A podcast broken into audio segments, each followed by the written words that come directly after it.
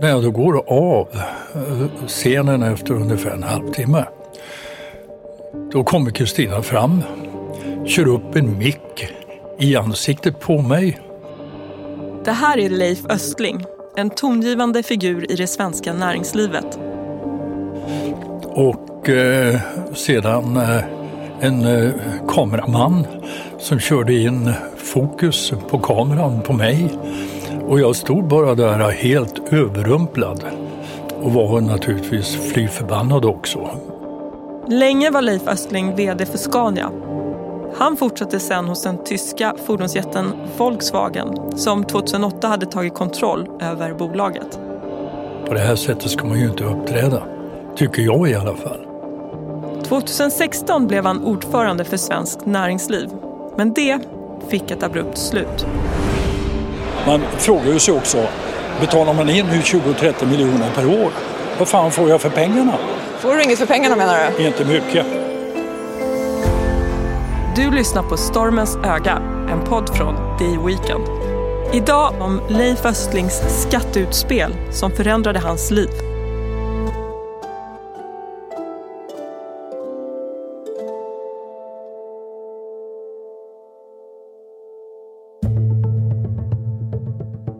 Oktober 2017. Leif Östling är talare på en logistikkonferens på Kistamässan. Han står för dagens första programpunkt och pratar om uppkopplade fordon. Till samma mässhall har reporten Kristina Lagerström tagit sig. Hon arbetar för Uppdrag granskning och konfronterar Leif Östling med det faktum att han placerat pengar i ett bolag i lågskattelandet Malta. Och jag sa jag tycker jag betalar tillräckligt mycket. Jag betalar mer än 100 miljoner spänn de senaste åren här. Det tycker jag räcker. Och man måste ju ställa sig frågan vad fan får jag för pengarna? Så det var så det började. Pengar han hade tjänat efter att ha betalat skatt i Holland investerar han 2005 i ett eget bolag på Malta. Upplägget det är lagligt men inom EU väcker Maltas låga skatter och möjligheten till skatteminimering kritik. Svaret kom direkt från hjärtat. Ja, det kom väldigt spontant. Eh, samtidigt så eh, när man kommer från industrin och som Scania så frågar vi oss väldigt mycket, ofta vad får vi för pengarna? Och eh, vad får vi för de här investeringarna? Vad ger det för förräntning på pengarna? Om vi nu går in och investerar i de här projekten. Och, eh, så det var liksom en del utav kulturen. Att alltid ifrågasätta investeringar i olika projekt. Affärsmannen berättar att han fick en hel del beröm för sitt uttalande. Vi gick ute på stan och eh, gick förbi hantverkare som kom fram och sa Tack för att du sa det. Äntligen någon som vågar eh, ifrågasätta hur de använder de här skattepengarna. Vi betalar ju så himla mycket skatt och vad får vi egentligen för det? Jättebra, jättestort tack. Men han blev också ordentligt kritiserad. Leif Östling beskriver det själv som att han var ett offer för den svenska åsiktskorridoren. Men sen kommer ju då äh, alla äh, vad ska jag säga, politiker och, och byråkrater in och åsiktskorridoren in att så här får man inte säga. Man ska upp, uppträda på ett, ett värdigt, hyfsat och värdigt sätt. Östling som bott och verkat utomlands i längre perioder tycker att det har blivit lägre i tak i Sverige. Och det är ju den här åsiktskorridoren som jag då gick igenom. Och jag hade ju sett den tidigare men jag trodde inte att den hade snävat in så mycket. För under alla mina år i Holland, eh, holländare har inte en sån här åsiktskorridor. De är väldigt rakt på. Ungefär som danskar. De säger vad de tycker och får upp en debatt. Uppståndelsen leder till att han själv i november 2017 kliver ner som ordförande för arbetsgivarorganisationen Svenskt Näringsliv. Det är ett uppdrag han har haft i ett drygt år då, eh, då kom eh, rädslan och ångesten hos väldigt många medlemmar och medlemsföretag. Det var ju egentligen bara att inse att eh, jag hade gått så långt utanför den här åsiktskorridoren. För de medlemsföretagen som verkade i den offentliga sektorn, som skol och vårdbolag, var de här orden särskilt känsliga. Jag bara kände på det, det är lika bra att jag stiger ut ur det här. Vi behöver inte ha någon omröstning. Jag avgår. Dessutom så var det så att eh, mitt mandat skulle ändå ha gått ut eh, på våren 2018. Men kritiken, den framförs aldrig direkt till honom utan den kommer via omvägar. Jag hörde det via via. Och det är ju så med åsiktskorridorer som vi har här. Vi kan inte ha rak kommunikation. Det är alltid via via.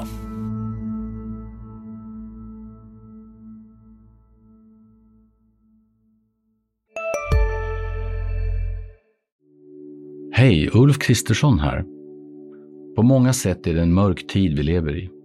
Men nu tar vi ett stort steg för att göra Sverige till en tryggare och säkrare plats. Sverige är nu medlem i Nato. En för alla, alla för en. Vi är specialister på det vi gör, precis som du. Därför försäkrar vi på Swedea bara småföretag, som ditt. För oss är små företag alltid större än stora och vår företagsförsäkring anpassar sig helt efter firmans förutsättningar. Gå in på swedea.se företag och jämför själv. Även om Leif Östling till en början beskriver avskedet från svenskt näringsliv som väldigt odramatiskt så riktar han idag mycket kritik mot arbetsgivarorganisationen. Nu undrar han, vad fan får medlemsföretagen för pengarna egentligen? Och jag tror det finns en stor rationaliseringspotential inom svenskt näringsliv och den organisationen. Den kostar väldigt mycket pengar. Och eh, nyttan för de pengarna, det kan man verkligen ifrågasätta. Och det gör man i ett antal av medlemsorganisationerna. Men det är inte tillräckligt många som gör det. Skulle man kunna halvera eh, avgifterna för svenskt näringsliv? Det skulle man säkert kunna. Men det betyder också en halverad överbyggnad som svenskt näringsliv är. Och skulle svenskt näringsliv må bra av det? Ja, man, alla organisationer mår bra av att ha lite för lite pengar. Inte för mycket pengar. Och har svenskt näringsliv för mycket pengar? Ja, jag tycker det. Ger du några råd till Jacob Wallenberg? Nej, eh, Jacob Wallenberg han är ordförande för det här och eh, eh, vi satt och pratade väldigt mycket med varandra under tiden som jag var ordförande för Svenskt Näringsliv. Han, han känner till vad jag tycker. Och, eh, men det är ju han som är ordförande. Men du, du, du är inte i kontakt med honom nu? Kring... Inte kring det här. Nej. Nej. Leif Östling ångrar inte sin placering på Malta. Han ångrar inte heller sitt uttalande som ledde till att han avgick som ordförande i Svenskt Näringsliv. Men samtidigt så säger han att det inte var en vidare kul upplevelse. Jag kände mig lite olycklig just då men å andra sidan det spelar ju ingen roll. Jag, jag hade ju slutat min, jag var ju över 70 år då och jag hade ju slutat min, min eh, yrkesmässiga bana jag gjorde det som var rätt under den tidsperiod när pengarna kom in, nämligen när vi bodde i Nederländerna som har en helt annan syn på det här. Bakom beslutet att låta dem vara kvar, det var ju, ja, hur många år blir vi i Sverige?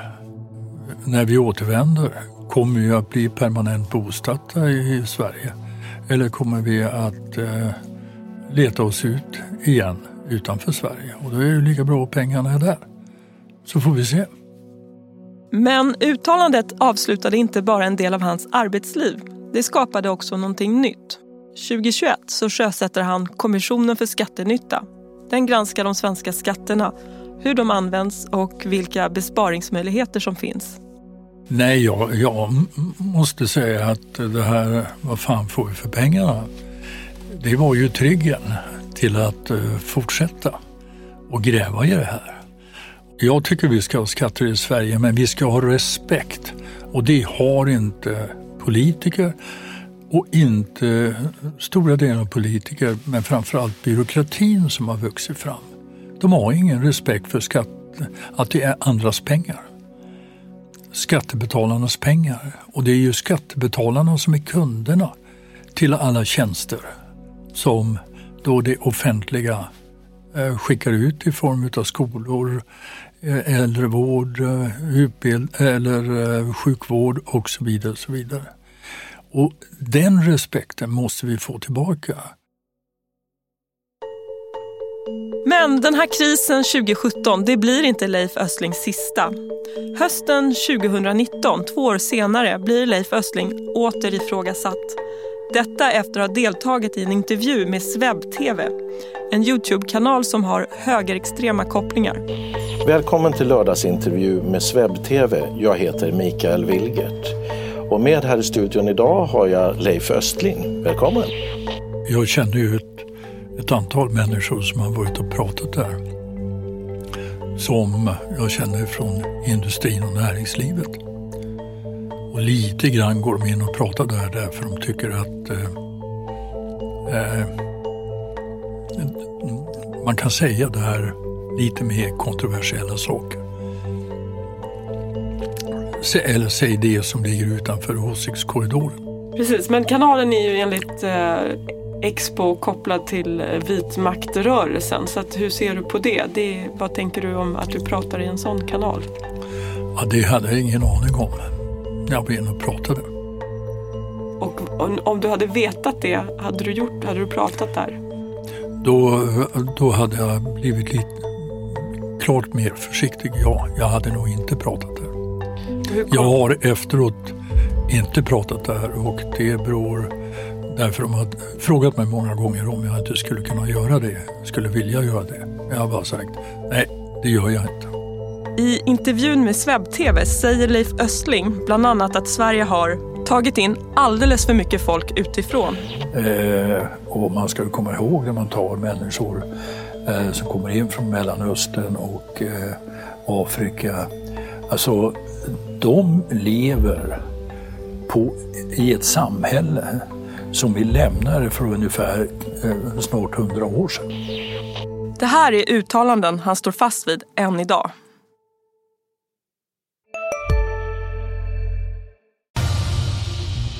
Expressen gör varje vecka podden Politikrummet där vi djupdyker i det senaste och viktigaste inom svensk politik. Med mig, Filippa Rogvall, som programledare tillsammans med mina vassa kollegor. Och det är ju ni som heter Thomas Nordenskjöld, Anette Holmqvist och Viktor Bartkrum. Politikrummet kommer med ett nytt avsnitt varje tisdag. Vi hörs. Hej, Synoptik här. Hos oss får du hjälp med att ta hand om din ögonhälsa. Med vår synundersökning kan vi upptäcka både synförändringar och tecken på vanliga ögonsjukdomar. Boka tid på synoptik.se. Han varnade även för ett inbördeskrig i landet och att militären skulle kopplas in om inte Sverige fick ordning på sina samhällsproblem. Så att Sverige är ju, har ju under 50 och 60 70-talet en väldigt bra invandrartradition. Men Sen eh, har det knatat på i alldeles för snabb takt. Vi har inte orkat med och vi har inte haft jobben heller som vi hade under den här perioden när vi byggde upp svensk industri efter andra världskriget. Den har vi inte haft nu. Leif Östling tvingas även denna gång lämna sitt uppdrag. Denna gång som ordförande för Södertälje Science Park. Kommunstyrelsens ordförande Boel Godner från Socialdemokraterna beskrev då uttalandet som alldeles för grovt. När du gick ur näringslivet så har du blivit uppmärksammad för dina uttalanden som då har uppfattats som kontroversiella och det har fått konsekvenser för dig personligen. Hur ser du på det?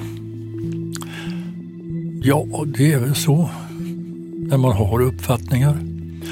Och jag kan väl säga i näringslivet när jag har jobbat där så har vi ju ändå haft väldigt öppna diskussioner och olika uppfattningar men ändå samlats kring ett konsensus. Men vi har ju inte alls de åsiktskorridorer som man nu har i politiken och även eh, kan vi säga inom media som man ligger och jobbar inom, vilket är väldigt olyckligt. Och att Leif Östling våren 2023 blev affischnamn för en högerextrem bokmässa, det var en konsekvens av ett missförstånd enligt honom själv. Det kom en fråga till mig och jag hade inte riktigt eh, eh, jag hade inte riktigt sagt ja heller. Utan det var vederbörande som ställde frågan som eh, jag gav nog ett alldeles för vagt svar. Jag sa jag måste tänka till och se över det hela. Men som talade om, gick ut och talade om, ja Leif Östling har tackat ja till det här. Vilket jag inte hade gjort. Och det var det jag var tvungen att korrigera. Sen. Men de verkar lockas av dig, de verkar ju tycka om dig. Jo, men eh, det kanske har att göra med just vad vi har pratat om. Att jag är, har varit ett antal gånger utanför den allmänt vedertagna åsiktskorridoren i uppfattningen. Och tycker du det fortfarande finns en åsiktskorridor? Ja, det gör det.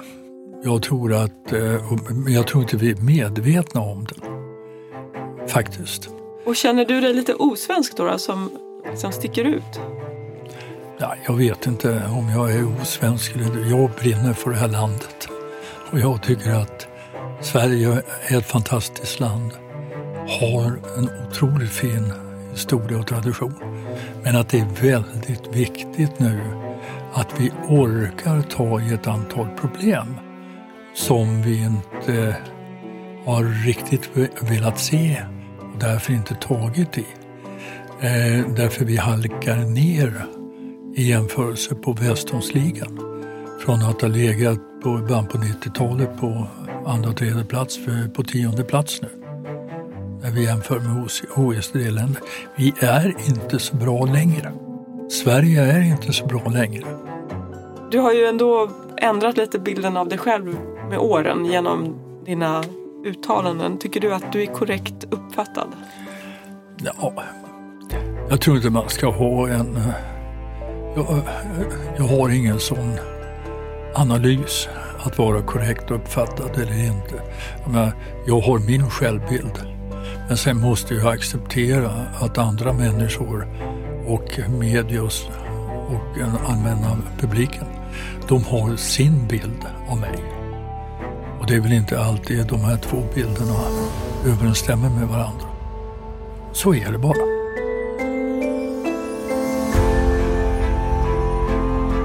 Du har lyssnat på Stormens öga, en podd från The Weekend med mig, Karin Grundberg Wolodarski. Producent var Viktor Aldén, mixning och ljudläggning Patricio Samuelsson, reporter var jag, Karin Grundberg Wolodarski och Johanna Lundsgård och ansvarig utgivare på Dagens Industri, Peter Fällman.